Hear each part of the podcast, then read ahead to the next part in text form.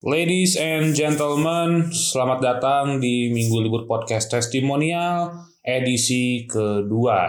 Gua tuh pertama kali uh, mengenal apa kenal dengan karyanya Joy Jordison itu gue nonton satu tayangan di apa MTV gitu. Apakah Joy Jordison mempengaruhi gaya drum lu atau tidak? Jawabannya adalah iya, sangat mempengaruhi gua dalam bermain drum. Kenapa? Wah kayaknya keren nih jadi pemain drum gitu. Karena dia kan main drumnya di atas panggung hidrolik dengan lighting yang bagus. Akhirnya ya udah. Uh, waktu tahun itu tahun 99an kalau nggak salah ya 99 2000-an lah. Um, ketemu sama si um, album self titlednya Slipknot yang pertama itu. Apalagi pas lagu Surfacing wah itu gokil banget sih. I push my fingers into my It's the only thing that slowly stops the ache. But it's made of all the things I have to take.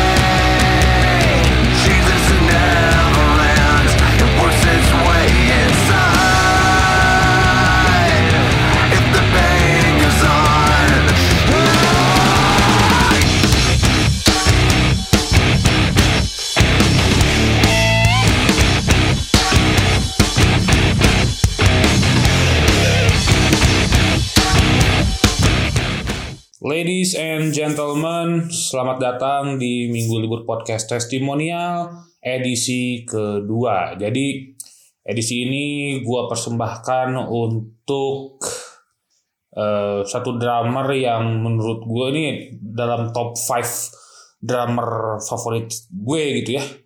Uh, dan gue bisa bilang bahwa in drummer ini sangat-sangat gila dan atraktif gitu. Di atas panggung eh, segila itu gitu bahwa, bahwa gue mendengarkan musiknya drummer ini pun wah itu bawaannya moshing bawaannya pengen senang-senang. Tapi yang datang adalah berita duka yang cukup uh, sesak ya bikin sesak dada gitu ya. Uh, ini ada kabar dari kabar duka dari Joy Jordison. Uh, mantan drummernya Slipknot yang baru meninggal dunia eh, pada tanggal 26 Juli 2021. Uh, kalau berarti kalau di sini tanggal 27 which means itu hari Selasa. Kalau di luar ya, kalau kalau, kalau di Amerika, uh, kalau di sini berarti hari Rabu. Uh, uh, beliau meninggal karena penyebab kematiannya nggak di ini ya, nggak di reveal sama keluarganya dan itu cukup menyedihkan itu bahwa uh, eh, gue cukup mengikuti metal gitu ya di zaman gue SD SMP uh, sampai SMP kelas 2 lah ya. Mengikuti metal dan uh, new metal macam Slipknot ini yang anjing ngeri gini gitu pas gue dengerin gitu udah. Ini metal tapi kayak jazz gitu apa? Kayak orkestra jazz gitu orangnya banyak uh, perlengkapan apa pun ada gitu ya uh, di situ gitu. Dan Jojo Rison meninggal di umur yang uh, me, uh, di umur 46 tahun. Uh, sedih sih memang sedih banget itu bahwa kalau bisa dibilang kalau lu nanya top 5 drummer lu siapa salah satunya adalah beliau gitu. Salah satunya adalah Jojo Rison ini gitu uh, Joe Jordison, Nelpert, ya kalau nggak kalau Nelpert itu hitungannya ada honored mention gitu karena terlalu itu lebih dikultuskan kalau gue kalau Nelpert uh, iya, drummernya Ye, uh, drummernya Rush gitu kan. Uh, salah satu drummernya adalah ini. Ini gila banget dan uh, gue tuh pertama kali uh, mengenal apa kenal dengan karyanya Joe Jordison itu gue nonton satu tayangan di apa MTV gitu. MTV terus ada video klip gitu Slipknot. Sama tuh ntar ada testimoni testimoni lain dari teman-teman gitu ya di segmen nanti. Tapi ini gue ya mendengarkan apa pertama kali lihat visualnya Slipknot gitu ya. Anjing ini ngeri gini kata gue tuh. Semua pakai topeng gitu kan nggak ada nggak film muka gitu ya. Terus eh, yang paling kan karena gue mengikuti Slipknot gue tuh menyadari bahwa ternyata setiap uh, era tuh gitu ya, setiap era tuh punya topengnya masing-masing gitu. Mau lu Corey Taylor kayak apa uh, si uh, Chris Fed kayak apa terus um, si Mick Thompson kayak apa gue tuh semuanya tuh beda-beda gitu. Dan gue tertarik dengan Joe Jordison karena uh, dia datang gitu dengan akar-akar gitu ya. Wah ngeri lah. Asli asli itu kayak swamp swamping gitu tapi ganteng aja kayak swamping tapi ganteng nih gitu kan cuman itu gue eh kenal dengan Joe Jordison gitu uh, pertama kali melihat beliau di MTV uh, gila banget memang dan gue berpikir bahwa wah ini sih immortal nih gitu kayak uh, bakal immortal macam siapa namanya ya gue bisa bilang kayak ya Robert Plant gitu atau Jimmy Page uh, hidupnya bakal lama gitu ternyata sadness gitu yang gue terima di berita duka yang gue terima itu cukup uh, membuat gue acing ternyata enggak. Ya gue kembali menyadari bahwa mati itu pasti gitu. Uh, apa ke, mati itu keniscayaan gitu kematian itu keniscayaan. Uh, mau lu siapa mau lu se apa se rebel jujur pun ya tetap aja gitu. Begitu sih dan apa ya? Kalau menurut gue di mempengaruhi secara metal jujur Dison sangat gitu sangat sekali sangat sekali mempengaruhi skena metal tuh. Banyak teman-teman saya yang si sekali lagi testimonialnya akan uh, muncul di segmen 2 nanti gitu ya. Itu uh, ada yang uh, ada yang ini banget apa ya yang terinfluence banget sama Joy Jordison gitu.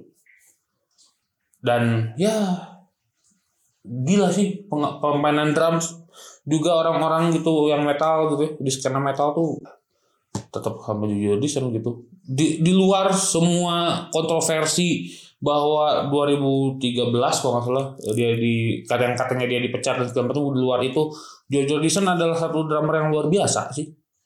Metal yang luar biasa gitu uh, mau lu ngomongin siapa? Chris Adler gitu atau uh, atau Ulrich sekalian gitu misalnya.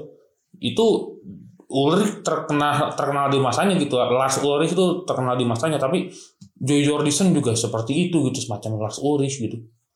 Dia sempat juga ngegantiin uh, Lars di satu apa ya, satu panggung gitu dan lagunya jadi lebih cadas karena lebih kenceng daripada Lars karena Lars ya uh, sama sama kencang juga tapi lebih kencang Joy, Jordison karena Slipknot mana yang jadi kayaknya yang paling slow itu cuma si snuff doang gitu.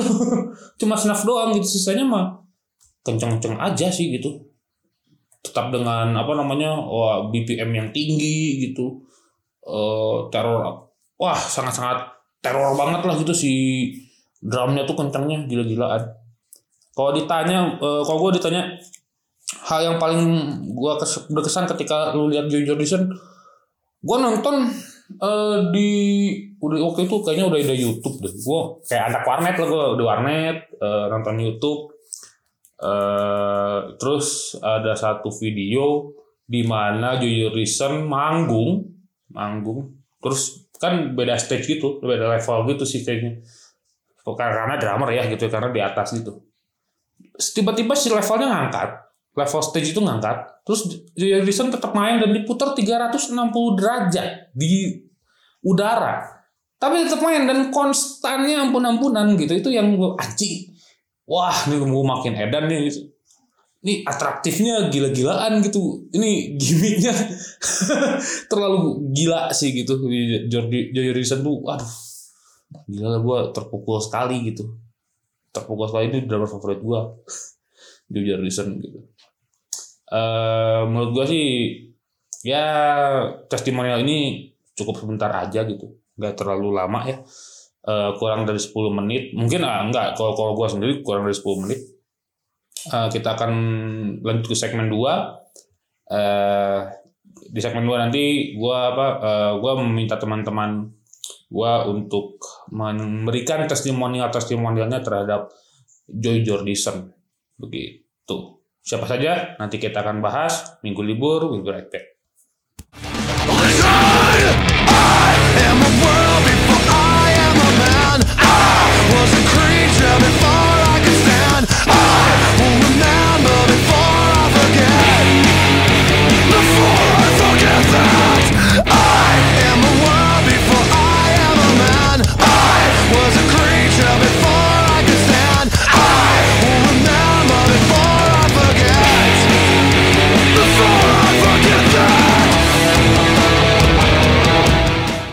Ladies and gentlemen, selamat datang kembali di Minggu Libur Podcast Testimonial edisi kedua, Ode untuk Joy Jordison.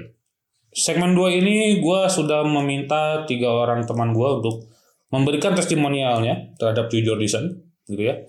Uh, mulai dari kenal Slipknot dulu pertama kali uh, seperti apa, terus takjub uh, pertama kali dengan Joy Jordison itu seperti apa, dan di mana gitu. Dan satu lagi adalah apakah Jojo Listen mempengaruhi uh, gaya drum dari masing-masing uh, narasumber gitu. Karena tiga orang yang gue minta dua orang ini drummer yang handal sekali.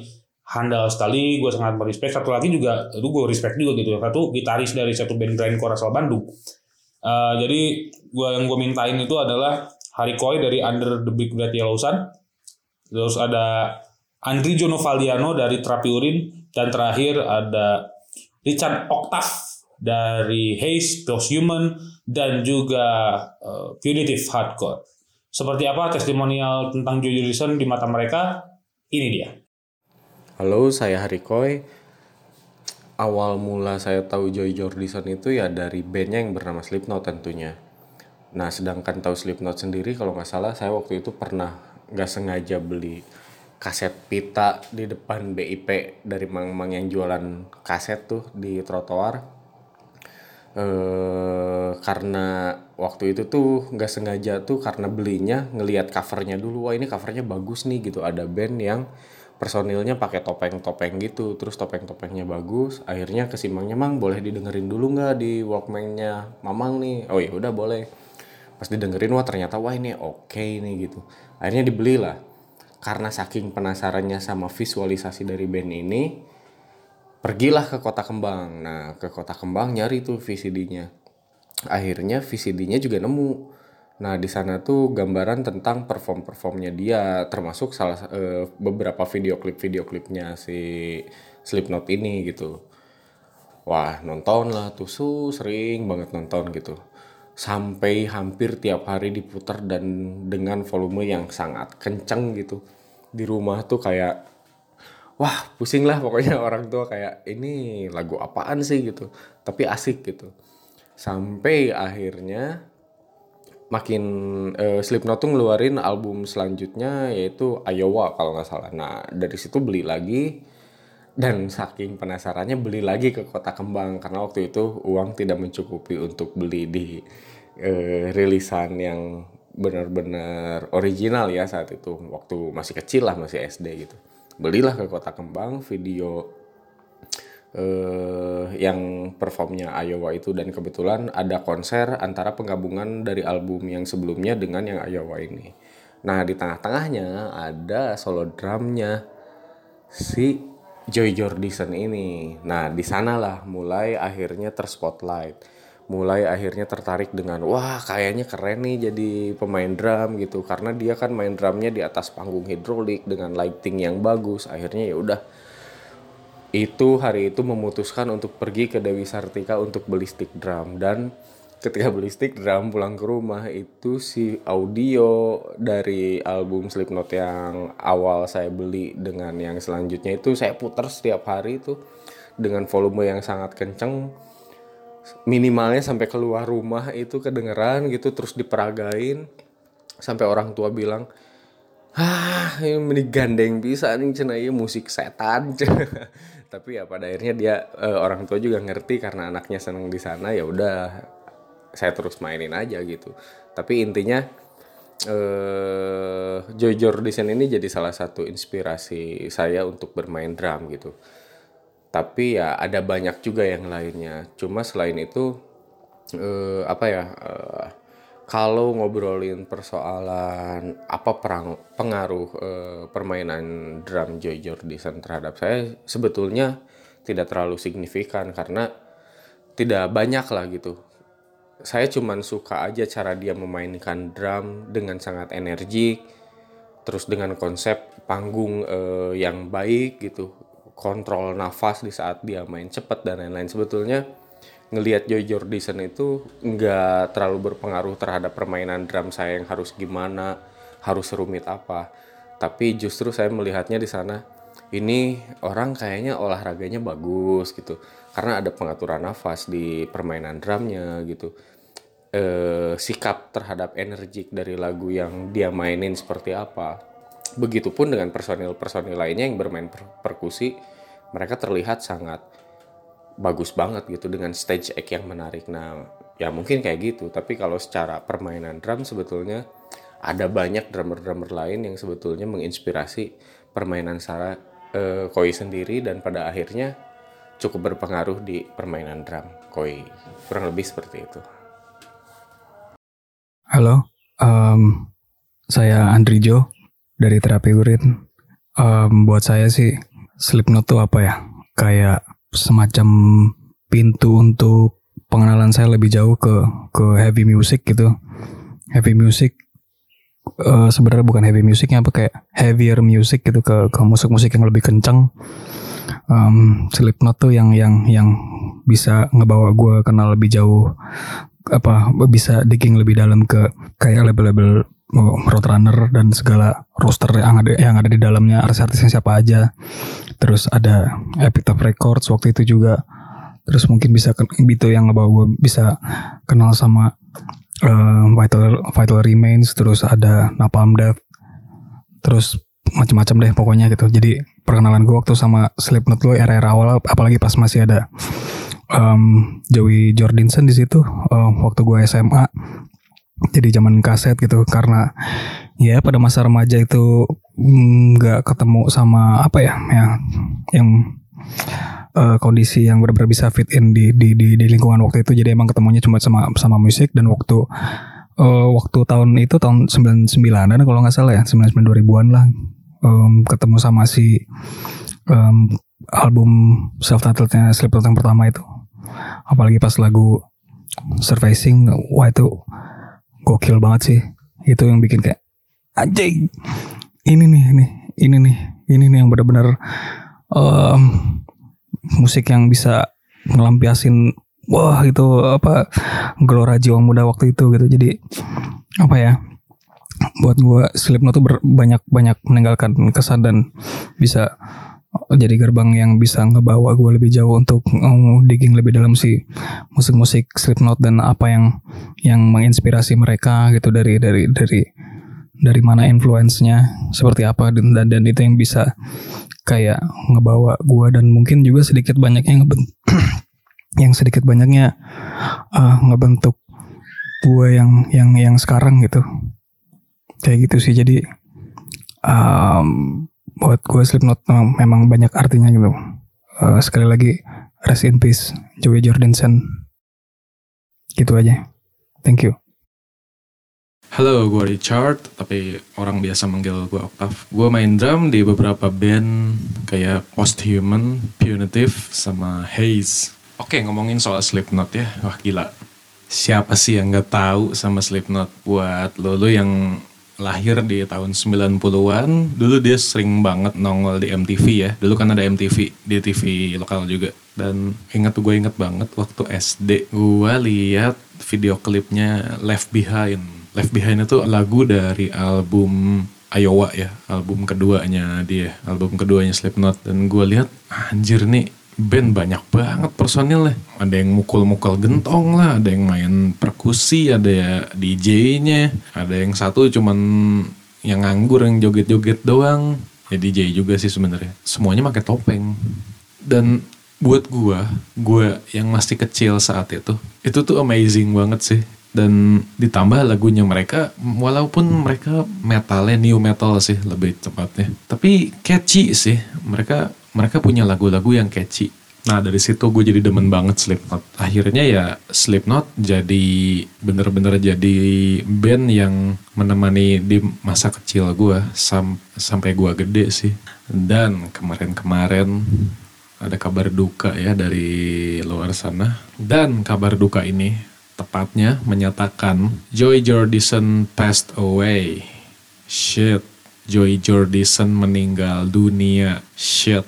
Buat gue ini shocking banget sih, soalnya bond gue ikatan gue sama Slipknot sejak kecil gitu. Ya lumayan kuat. Dan kebetulan Bung Ican juga bertanya ya, Ican minggu libur, apakah Joy Jordison mempengaruhi gaya drum lu atau tidak? Jawabannya adalah ya, sangat mempengaruhi gue dalam bermain drum. Kenapa? As a drummer, gue banyak mengaplikasikan stylenya Joey di permainan gue ya. Di band gue yang metal, post-human, dan band gue yang hardcore, punitive. Ada istilahnya kalau di drum fill in around the kit ya itu yang sering banget Joey aplikasikan di permainan drum dia ya karena ikatan tadi bun tadi yang gue bilang otomatis gue juga jadi banyak mengaplikasikan fill in fill in seperti itu ya mungkin secara alam bawah sadar refleks gue refleks gue ya jadi mengikuti apa yang Joey aplikasikan gitu karena gue seringnya denger Slipknot dari kecil gitu sampai gue jadi drummer juga gue masih dengerin Slipknot. Oke paling gitu aja ya soal Joey. Rest in peace Joey Jordison. We just lost one legend, one of a kind. Terima kasih Bung Ican dan Minggu Libur Podcast yang sudah menanyakan point of view gue soal Slipknot dan Joy Jordison. Sukses terus Minggu Libur Podcast. Sukses terus Bung Ican. Enjoy the podcast. Itu tadi testimonial dari Richard Octave, uh, juga Andri Jono Valiano, dan Harik Hoy begitu. Ya, itu tadi silakan ya kalau kalian punya testimonial testimonial yang lain, kalau kalian mau ya kirim-kirim aja nanti mungkin akan gue jadiin satu uh, konten Instagram sendiri gitu ya, gue pasang di Instagram begitu. Oke, terima kasih yang telah mendengarkan Minggu Libur Podcast uh, testimonial edisi kedua ini. Rest in peace, rest in peace, Joe Jordison. Gue sangat kehilangan sekali uh, satu sosok ini. Sekali lagi terima kasih banyak. Minggu Libur pamit. Sampai jumpa di Minggu Libur Podcast testimonial edisi selanjutnya. Goodbye.